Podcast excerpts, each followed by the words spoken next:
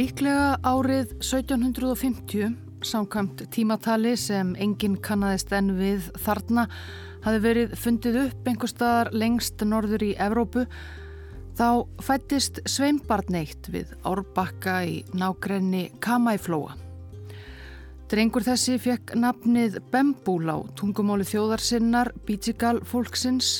Bembúl, nafnið merti jarðvegur. Það var jú þaðan sem hann kom úr jarðveginum. Drengurinn fættist með stóran blett í vinstri auga og var líklegast eitthvað sjónskertur. Það var yfirleitt ekki mikið umburðalindi í garð fæðingargalla hjá þjóðhans. Börnum sem þóttu gölluð við fæðingu var gerðnan skilað eins og það var kallað. Skilað aftur til jarðarinnar hreinlega eða þau drepinn. En Bembúl fekk af einhverjum ástæðum að lifa þrátt fyrir blettin í auga hans og hann reyndi stapna vel. Hann varð kraftmikill ungur maður, hann hljóp hraðar en jafnaldrar hans og beitti spjótinu betur. Hann þótti raunar fljótt vitur með eindæmum, kannski jafnvel fjölkunnur. Þegar hann komst á fullorðinsár fekk hann annað nafn til viðbótar, var kentur við heiminn jæmt sem jörðina, Bembúl Vújan, en Vújan merkir kráka. Sumir töldu að hann gæti jafnvel breytt sér í kráku að vild og tekið flugið, svo magnaður væri hann. Bembúl þessi Vújan var komin vel á fullorðinsár, líklegast að nálgast ferdugt þegar náfölir menn sildu á stórum flegjum inn Kamæflóan þar sem hann var fættur og upp alinn. Það var árið 1788 samkvæmt tímatali kvítumannana og þeir fóru svo að ráðskast með landið án þess að það virtist skipta þá nokkru að það var fólk á landinu nú þegar. Grasaflóa kölluðu aðkomumennir heimkynni Bembul Vújan, landið sem hann þekkti sem Kamæ. Og hann var fyrsti viðkomustadur fyrsta breska skipaflótans sem árið 1788 sildi suður til Ástralju til að stopna þar fanga nýlendu eins og fjallað hefur verið um í fyrri þáttum um landnám breyta í Ástralju og áhrif þess á upphaflega íbúa landsins. Bembúlvújan og fólkið hans við Kamæ eða Grasaflóa reyndi fyrst að hunsa aðkomi fólkið af sér en það bara ekki árangur til lengdar. Bretarnir ferðu sig reyndar nokkurt spöl í norður þar sem reys byggð sem þeir kölluðu Sydney en þeir síndu ekki á sér frekara farastnið. Aðkomumenn þessir voru komnir til að vera.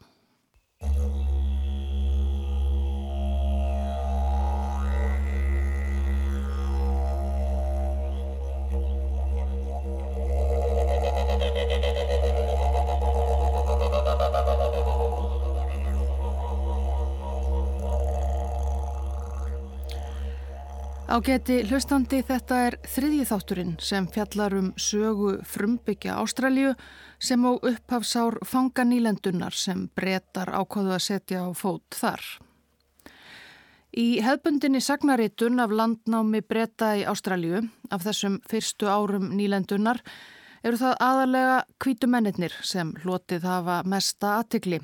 Þeir sem komu á fyrstu fangaskipunum allarleið frá Breitlandi og tóku þátt í að byggja upp það sem síðar varð ríkið Ástralja.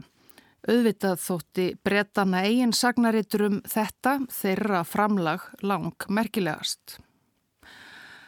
Örfáir frumbyggjar, fólk af þeim mörgu og fjölbreyttu þjóðum sem búið höfðu á þessu landi árþúsundum saman áður en breyta barað gardi, Örfáir þeirra vöktu þó næga aðtegli til að vera skráðir með nafni á spjöld sögunar á þessum fyrstu árum. Við heyrðum af æfi eins frumbyggja í síðasta þætti um Ástralíu um Jóramannin Benelong. Brettar rændu Benelong í vonum að geta þjálfað hann í ennsku og notað sem tólk en hann var skiljanlega tregur í taumi, let fangara sína ekki stjórna sér en tók þó að lokum upp sambúð við kvítumennina af eigin frjálsum vilja. Hann vingaðist við landstjóra breyta í Ástralju og naut góðs af þeim vinskap í mat og drikk. Bennelong ferðaðist svo með landstjóranum og ungum frumbyggja öðrum til Lunduna og kynntist borgarlífinu þar en kaus hefðbundna lifnaðarhætti þjóðarsinnar þegar hann snýri heim aftur þó aldrei slefti hann alveg hendinni af einni uppfinningu kvítamannsins áfengi. Annar samtíðarmadur Bennelongs afreikaði það einnig að komast í sögubækur kvítamannsins. Það sem hann varð frægur fyrir var þó allt annað en víndrykja og vinskapur.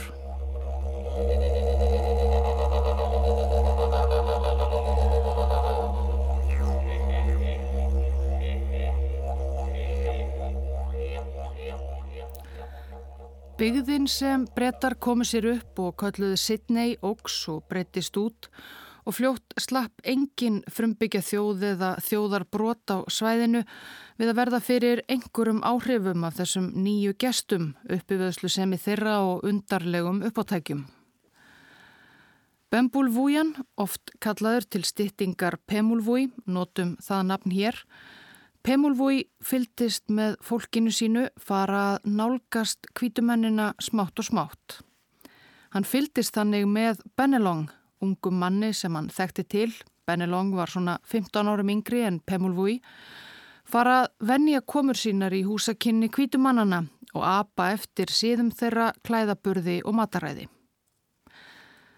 Pemulvui leist ekki á blikuna, á þetta samkrull við aðkomi Pemulvui var kannski sjónskertur en honum fannst það þó augljóst að fyrir fólkið sitt gata þetta ekki endað öðruvísi en ítla.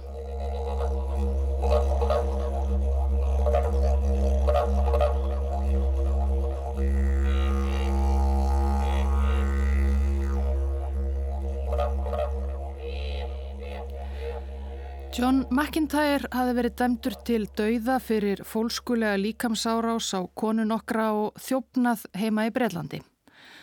Síðan hafði domnum verið breytt í útlegð til nýju fanganílendunar í Suðri og þar hafði John McIntyre öðlast nýtt líf. Hann hafði verið útnemdur sérlegur veiðimaður Arthur Phillips landstjóra og var einn aðeins þryggja fanga í nýlendunni sem mátti bera framhlaðning. Hann kunni því ekki ídla. Síðladags 9. desember 1790 var McIntyre með þremur breskum hjálparhellum á veiðum í Grasaflóa. Þeim hafi verið falið að skjóta kenguru, dingohund eða annað förðudýr. Filip landstjóri og aðrir forsprakkar nýlendunar voru orðnir hrifnir af þeirri framandi og gómsætu villibráð sem var að finna þar siðra. Bretarnir byðu í kjarri við vassból að það rökkvaði og bráðin hætti sér fram að fá sér vassopa í ljósaskiptunum. Svo heyrðu þeir skrjáf í gróðri. Var það kengúra? Nei, sen sáu þeir hvar fimm frumbyggjakarlar lættust í áttatheim hver með spjót í hönd. Einn mannana var slett rakaður að hætti kvítamannsins.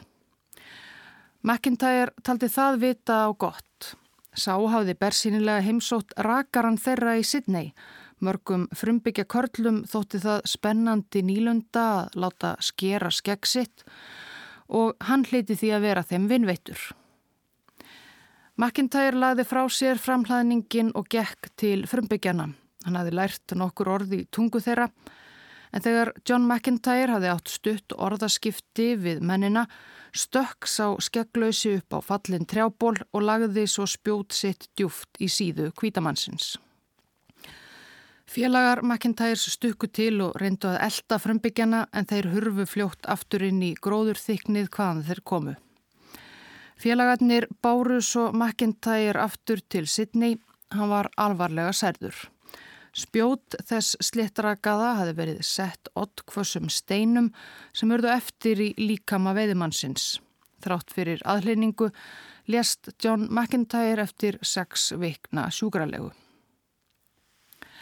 Árásamadurinn var ekki aðeins slett rakaður höfðu breytatnir tekið eftir heldur með áberandi blett í vinstra auga. Bennelong og aðrir frumbyggjar í Sydney konnuðust við kauða Það var Bítsigal maðurinn fjölkunnugi Pemulvúi. Hemd var mörgum frumbyggja þjóðum mikilvæg og mögulegt er að Pemulvói hafi með þessu verið að hefna fyrir dráp McIntyres á frumbyggja manni af þjóð hans. Þó það sé ekki vitað með vissu er ekkert ólíklegt að McIntyre hafi lendt saman við einhvern á veiðiferðum sínum. McIntyre lág alltjönd ekki á þeim skoðunum sínum að honum fannst engar lítið varið í frumbyggja nýjalandsins og hann var jú alltaf með framhlaðningin á sér. En allavega Arthur Philip landstjóri harmaði árásina á veiðimann sinn mjög. Hann hafði frá upphafi lagt áherslu á að reyna að halda samskiptum breyta við frumbyggja nýjalandsins á vinsamlegum nótum. Það voru líka fyrirmælinn sem hann hafði fengið frá breskum ráðamönnum í Lundunum. En slík fyrirsátt fannst honum ganga oflánt. Landstjórin vildi líka hefna. Eða Filip ákvað að Bítsigal fólkið þjóð Pemulvúis yrði öðrum frumbyggjum landsins viti til varnaðar. Örfáum dögum eftir árósina, þegar McIntyre lág enn á sjúkraseng, skipaði Filip fylkingu Hermanna að fara inn á landsvæði þeirra, taka til fanga eða drepa árósarmann McIntyres og nýju fullvaksta karlmenn af þjóð hans til viðbútar eða færa honum að minnstakosti höfuð þeirra. Jafnvel undirmönnum Phillips leist ítla á þennan skindilega hemdarþorsta. Einum manna hans, lautinant Watkin Tench, tókst að tala landstjóran á að nóværi að handsama eða af höfða sex bítrigal menn ekki alls tíu og Philip félst á það. Að morgni 14. desember fór Tents lautinant svo fremstur fyrir stærstu herrfylkingu sem sérst hafði í sögu bresku nýlendunar þar siðra meira en 40 herrmenn með skotuvopn, reypi, aksir og sérstakar töskur undir höfuð fornarlampana. Fylkingin þrammaði suður til Grassaflóa þar sem bretarnir leituðu og leituðu en sá ekkert til árásarmannsins með blettin í auganu. Stökusinnum sáu þeir til frumbyggja á stjái en þeim tókst ættíð að sleppa. Liprir og kviknaktir frumbyggjarnir smegðu sér auðveldlega í felur í skóginum undan þunglamalegum bretum í þykkum herbúningum með þungvæpni, pjöngur og pingjur. Eftir áranguslösa leit í þrjá daga heldu tenslautinant og menn hans aftur heim til Sidney alveg tómhendir, ekki með eitt einasta höfuð. Þeim hafði ekki einu sinni tekist að finna neyn spjót eða vopn frumbyggjana til að flytja heim til sittni sem stríðskós, aðeins nokkur veiðarfæri sem þeir letu og snert. Það var lítið viti að leita hemda með þessum hætti en sögu Pemulvogi og kvítumannana var ekki lokið.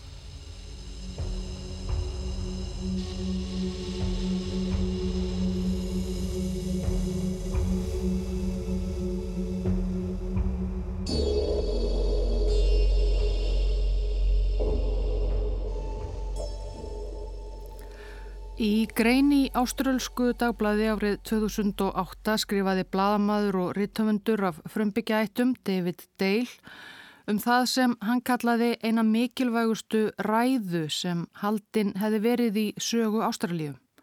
Samt sem áður, skrifaði Dale, veit engin nú nákamlega hvenar þessi ræða var flutt, nýja hvernig hún hljómaði því orðin voru aldrei skrifuð niður, hvort það var eiginlega nokkur ræða þannig kannski bara nokkrar setningar.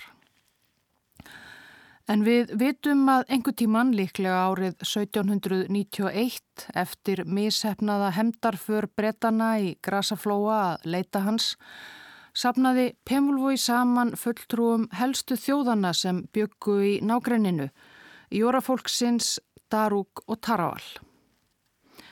Hinga til höfðu flest þeirra helst reyndað humma af sér návist kvítamannsins á landi þeirra. En með einhverjum orðum sem ekki hafa varðveist í rítuðum heimildum samfærði Pemulvói fólkið um að grípa til vopna að slást í lið með sér og berjast gegn aðkomumönnunum sem höfðu komið af hafinu og tekið yfir landi þeirra. Við vitum allavega að árið 1792 var fjöl þjóðlegt lið frumbyggja sem laud stjórn Pemulvói farið að ráðast á byggðir bretana. Það hafði tekið nokkur ára að læra að temja þetta nýja land en breytatnir voru þarna loksins byrjaðir að koma sér upp landbúnaði vestur af Sydney, rækta mæs, kveiti og fleira. Svo byrtust allt í einu frumbyggjar út úr skóarþykninu og kveiktu í ögrunum þeirra, brendu niður kofa bændana og eigðilögðu bæði uppskeru þeirra og eignir. Frumbyggjarnir áttu engin skotavopn eins og breytanir en sjálfur eldurinn var þeitt upplugasta vopn Pemulvúis. Hann fór sjálfur alltaf fremstur í flokki brennuvarkana.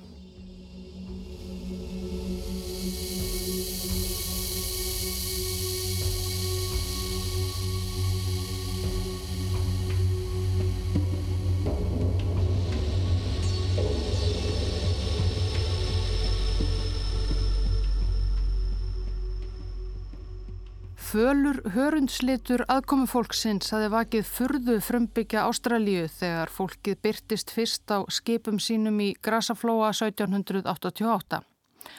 Langflestir fyrstu bresku landnemanna í Ástralíu voru kvítir á hörund eða eins og vofur fannst heimamönnum. Örfáir þeirra voru þó líkari þeim sjálfum í útliti með einhvern lit. Við vitum ekki hvar fangin John Caesar var fættur. Einhverjir telja á Madagaskar við austurströnd Afriku en kannski var það á meginlandi Afriku eða kannski á einhverju eigu í vestur Indium.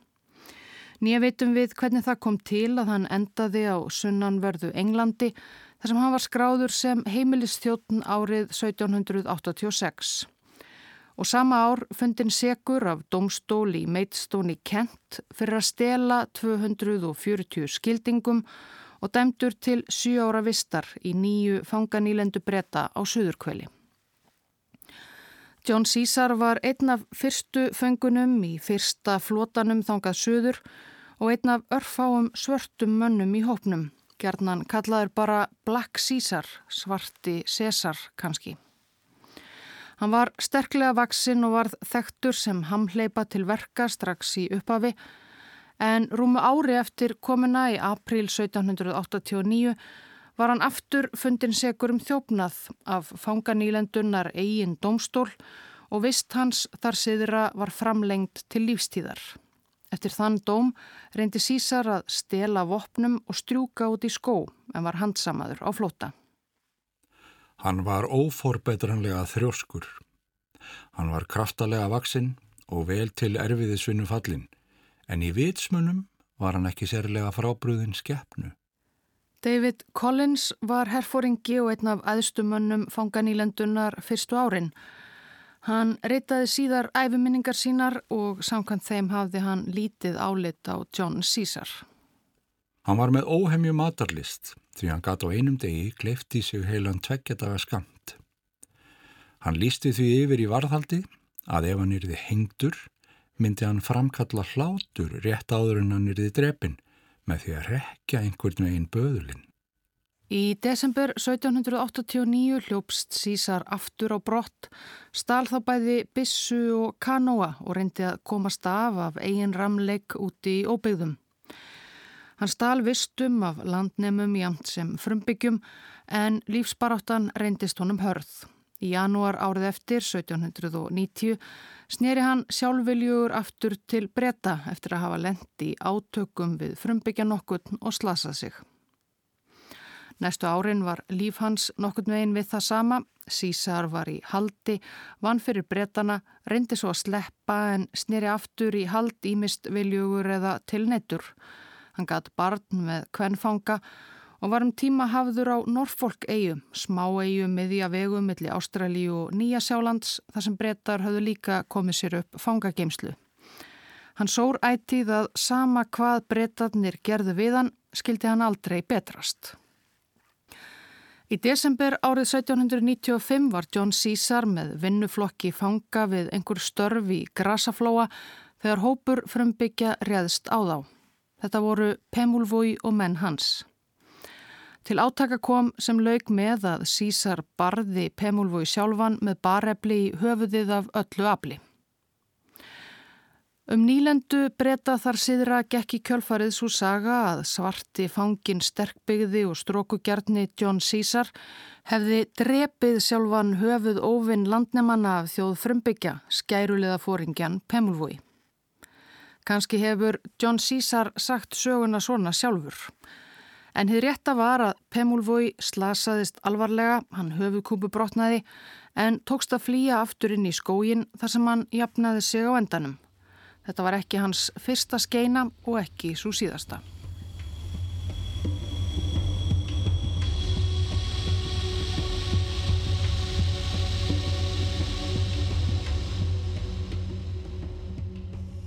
Bændurnir í norðri höfðu ítrekkað verið rændir af fjölmennum hópi villimanna sem höfðu líka nýlega drepið Karl og konu.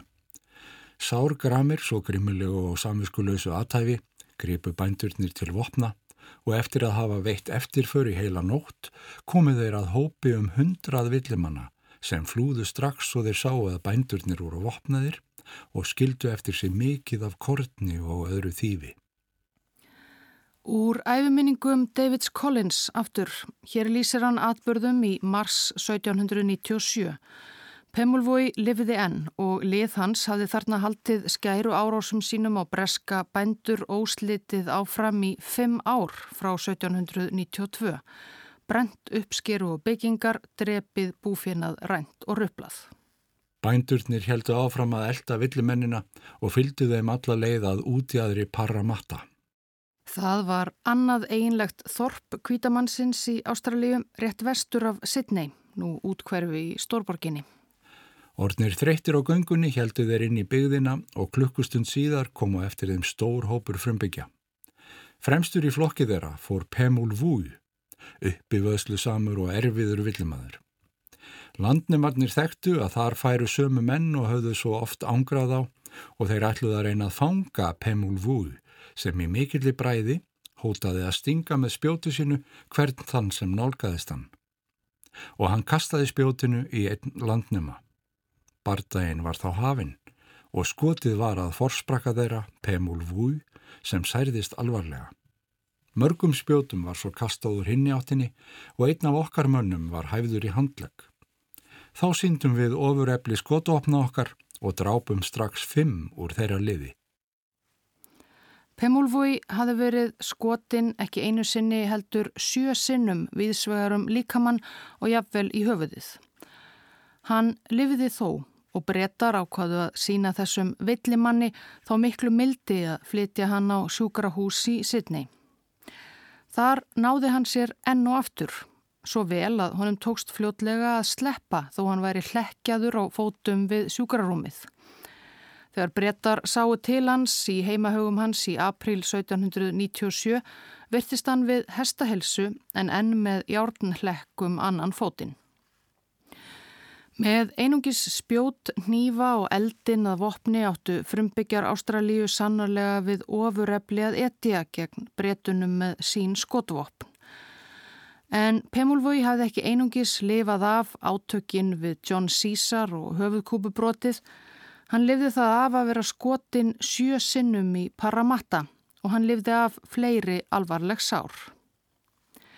Fólk í samfélagi Pemulvois hafði lengi talið að það væri eitthvað yfirnáttúrulegt við hann, alveg síðan hann var strákur. Það leiti allt út fyrir að það væri satt. Bretin David Collins saði svo frá, ekki alveg eins samfærður. Undarleg hugmynd virtist hafa náð fótfestu meðal frumbyggjana varðandi villimannin Pemul Vúi, hugmynd sem líklega reyndist honum að endingu afdrifa rík. Þeir, bæði og hann sjálfur töldu þar sem hann hafi svo oft verið særður að skotvopn okkar gætu ekki dreyja hann til dauða. Vegna þessar meintu verndar fór hann fremstur í flokki hverjar árásar á mæisakrana. Og það var okkur sannarlega nöðsynlegt að sannfæra frumbyggjana um að honum hefði ekki hlotnast negin slík yfir náttúruleg undan þáa.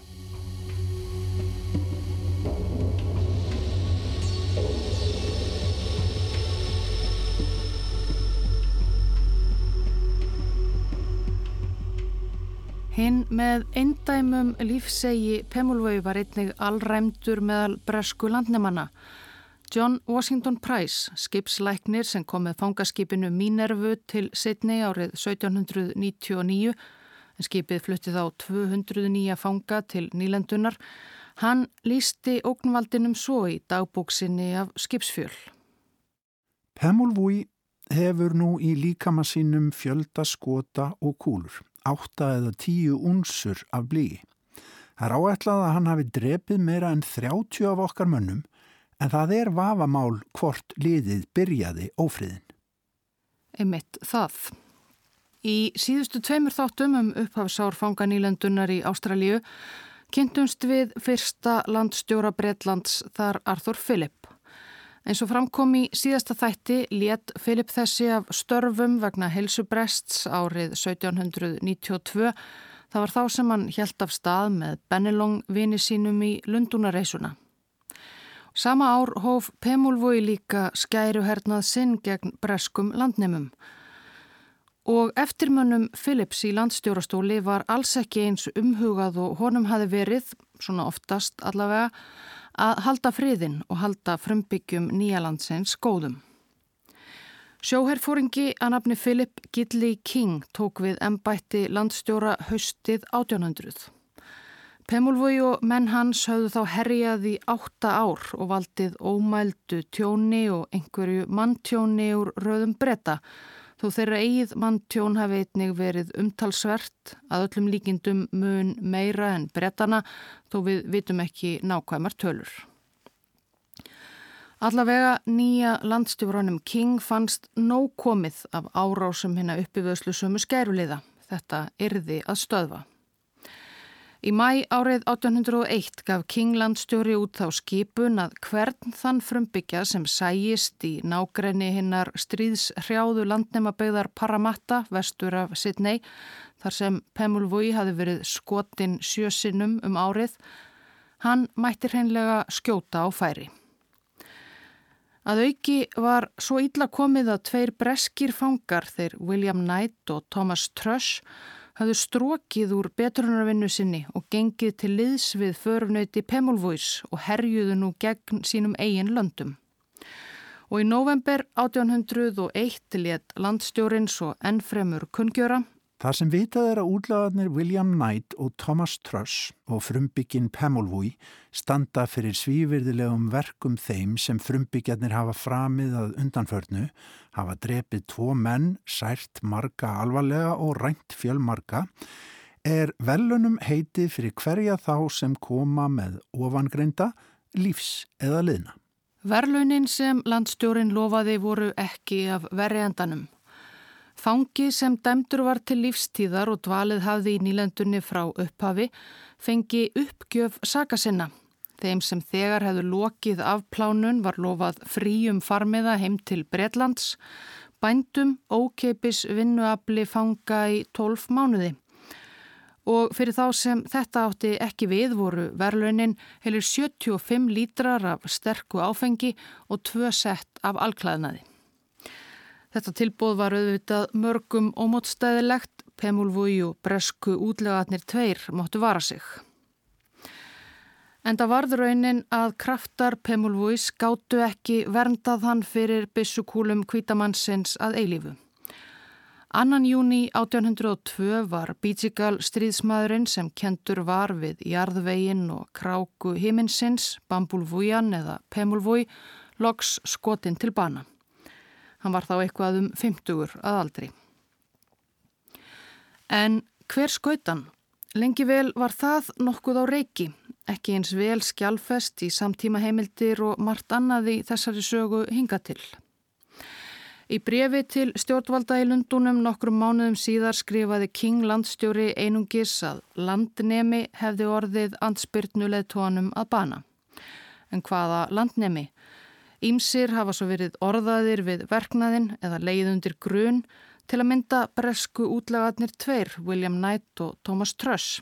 Hafðu þeir snúist gegn samherja sínum, kannski sjálfur gernst verðlaunin góðu.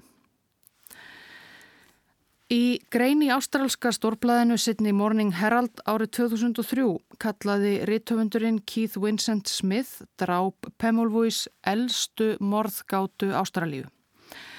Í greininni taldi Smith sig loks geta flett ofan af þessari 201 áskamlu ráðgátu. Lausnina höfðu fræðimenn þá loks fundið í lít þekktri dagbók og breyts sjómanns á bresku skipi, Investigator, sem sildi með strandlengjunni ringin í kringum Ástralíu 1802. Sjómaður þessi Samuel Smith skrifaði í dagbók sína 20. júli að búið væri að stilla til friðar í nýlendunni eftir að hræðilegur óvinnur kvítamannsins, eins og hann orðaði það, frumbyggin Pemulvói hefði verið skotin til bana. Sá sem skaut, sangkvæmt Smith sjómanni, var stýrimaðurinn á breska skipinu Lady Nelson, Henry Hacking, sem hafi verið úti að skjóta með þessum afleðingum. Lady Nelson var skip sem þarna fyldi investigator í kortalagningu á áströlsku strandlengjunni og stýrimaðurinn Hacking var sannarlega vanur staðháttum. Hann hafði verið í áhöfn Siriusar, flagskips fyrsta breska fangaflótans sem kom til Ástralíu 1788 og í kjölfarið getið sér gott orði í nýju nýlendunni sem skotveðimaður. Hafði raunar á nefa skotið nokkra frumbyggja áður líka. Hvort Henry Hacking þáði verlaunin fyrir líf Pemulvuis vitum við ekki en hann hefði þá að líkindum átt að fá þessa 75 lítra af áfengi sem landstjórin lofaði en Hacking var einmitt þekktur sem drikkjumadur mikill. En mikið meira en þetta vitum við ekki. Heldur ekki í hvaða erindagjörðum Hacking var úti að skjóta og nákvæmlega hvar og hvernig Pemulvói loks mætti örlögum sínum. Eða hvort skotmaðurinn Hacking var einn á ferð. Í greinsinni í Sydney Morning Herald veldir Keith Vincent Smith þeim möguleika fyrir sér hvort undirstýrimaður Lady Nelson hafi kannski verið með honum í för. Undirstýrimaðurinn hafi gengið til liðsvið áhöfn Lady Nelson tæpum tveimur árum áður þegar skipið var í höfn í Höfðabæ í Suður Afriku. Hann var þó komin enn lengra að, fættur í Kaupmannahöfn, sonur úrsmiðs Jörgen Jörgensen sem síðar átti eftir að gera gardin frægan, ekki aðeins þar siðra heldur einnig sem hundadagakonungur á Íslandi. En hvort hann Jörundur var með í för þegar ansbyrnuleitóin Pemulvói var myrtur vitum við ekkert um með vissu. Rétt er að geta þess að til eru þeir áströlsku sagfræðingar sem draga nýðurstöðu Keiths Vincent Smith í Eva og telja drápið á Pemulvói ætti enn að teljast ráðgáta.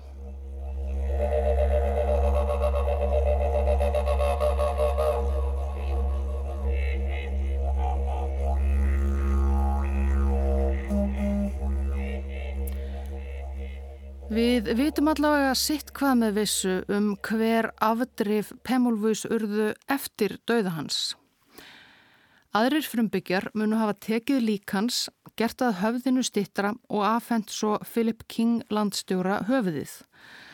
Átti það að vera einhvers konar sáttargjörð líklega, táknum að ekki hafi allir innfættir verið fylgjandi herskáum aðgerðum Pemulvus og kussu fremur að reyna að lifa með kvítamanninum í friði.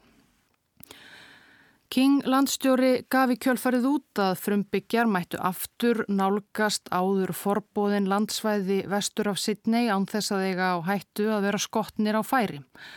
Allt væri fyrirgefið eins og Pemulvo í einn hefði borið ábyrð á öllum og friðinum.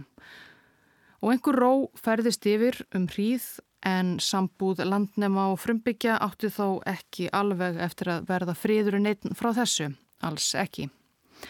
En meira af því síðar. Höfuð ansbyrnufóringjans let Kinglandstjóri svo leggja í spýra til varðveislu. Mart hafði breyst frá fyrstu árum fanganílendunar en eitt þó ekki. Landstjórar breyta þar siðra voru enni stöðugum brefaskriftum við breska náttúrufræðingin Joseph Banks. Þarna voru liðin meira en 30 ár síðan Banks hafi verið á ferða á þessum slóðum með sæfaranum James Cook en hann hafi enn mikinn áhuga á landinu og þeim furðum náttúrunnar sem þar var að finna úr bæði jurta og dýraríki. Í fyrirþætti heyrðum við af því hvernig fyrsti landstjórin Filip lagði sig fram um að senda banks ímis síni af jurtum og dýrum til Bretlands, sendi honum meðal annars lifandi kengurur. King landstjóri hjælt áfram þessu starfi og hlóð yðurlega ímiskonar sínum og gripum handa banks um borði skip á leið til Bretlands. King skrifaði Joseph Banks 5. júni 1802 örfáum dögum eftir að Pemulvói var skotin til bana. Ég man ekki hvaða var sem ég sendi með skipinu Buffalo nema þá andarstekkin og ullina. Sá fyrrnemdi vona ég hafi komist öruglega á leiðarenda í góðu ásikomulagi þar sem engum spýra var til sparað að varveita hann. Ég sendi líka lítið eitt um borð í Albjón sem ég vona hafi komist til þín. Með öðru skipi sendi ég það sem framkemur á meðfylgjandi lista. Á þeim pappir má og finna útskýringu á því hvernig ég komst yfir höfuð þetta. Á eiganda höfuðsins er minnst í skrifum David Collins. Þó maðurinn hafi verið nýlendinni hinn mesti skadvaldur var hann hugrakkur og sjálfstæður karakter. Þar sem ég veit að höfuð manns hérðan er eitt það sem þér gindust helst hef ég látið varveita það í spýra og sendi með kvalskipinu spýdi. Ég sendi líka kassa með sínum af móberjatrjám sem vaksa hér víða. Já, Joseph Banks tók ekki aðeins fagnandi á móti kengurum heldur einnig mannshöfðum sem var nokkuð sem hann greinilega hafði sárlega vantað í samsitt. Kvalskipið Spíti kom til Hafnar í Lundunum í november 1802 með höfuð Pemulvuís í krukku og einhver fleiri dýrmæti í sapn Josephs Banks. Að þér framkom í brefi sem Banks skrifaði Kinglandstjóra síðar vakti höfuðið nokkra undrun tollvarða við höfnina þegar farið var í gegnum farminn. En Pemulvúi slapp í gegn og höfuð hans var þá endanum hluti af líffæra og líkamslutasafni skoska skurðleiknisins Johns Hunter. Hunter þessi sem beitaði ímsum leiðum og raunar bráðum til að komast yfir líkamsluta var þá látin en bresk stjórnvöld höfðu keift safn hans og höfðu það til sínis í byggingu bresku skurðleiknastofnunarinnar Royal College of Surgeons. Stór hluti höndarsapsins er þar raunar enn til sínis en höfuð Pemulvois er ekki þar á meðal. Hvað varð af höfðinu það er enn einn ráðgáttan. Á síðustu árum hafa fulltrúar frumbyggja Ástralíu krafið bresk stjórnvöldum að fá höfuð Pemulvois aftur til heimalands hans eins og þeir vilja endurheimta aðrar líkamsleifar frumbyggja sem fluttar voru úr landi. Sjálfur Viljálmur Bretaprins hétt því árið 2010 að hafa uppi á höfði Pemulvois eftir að ástralskir þingmenn fóru þess á leit og koma höfðinu heim. En þrátt fyrir mikla leit í geimslum ímissa breskra sapna hefur höfuð ansbyrnumannsins hvergi fundist.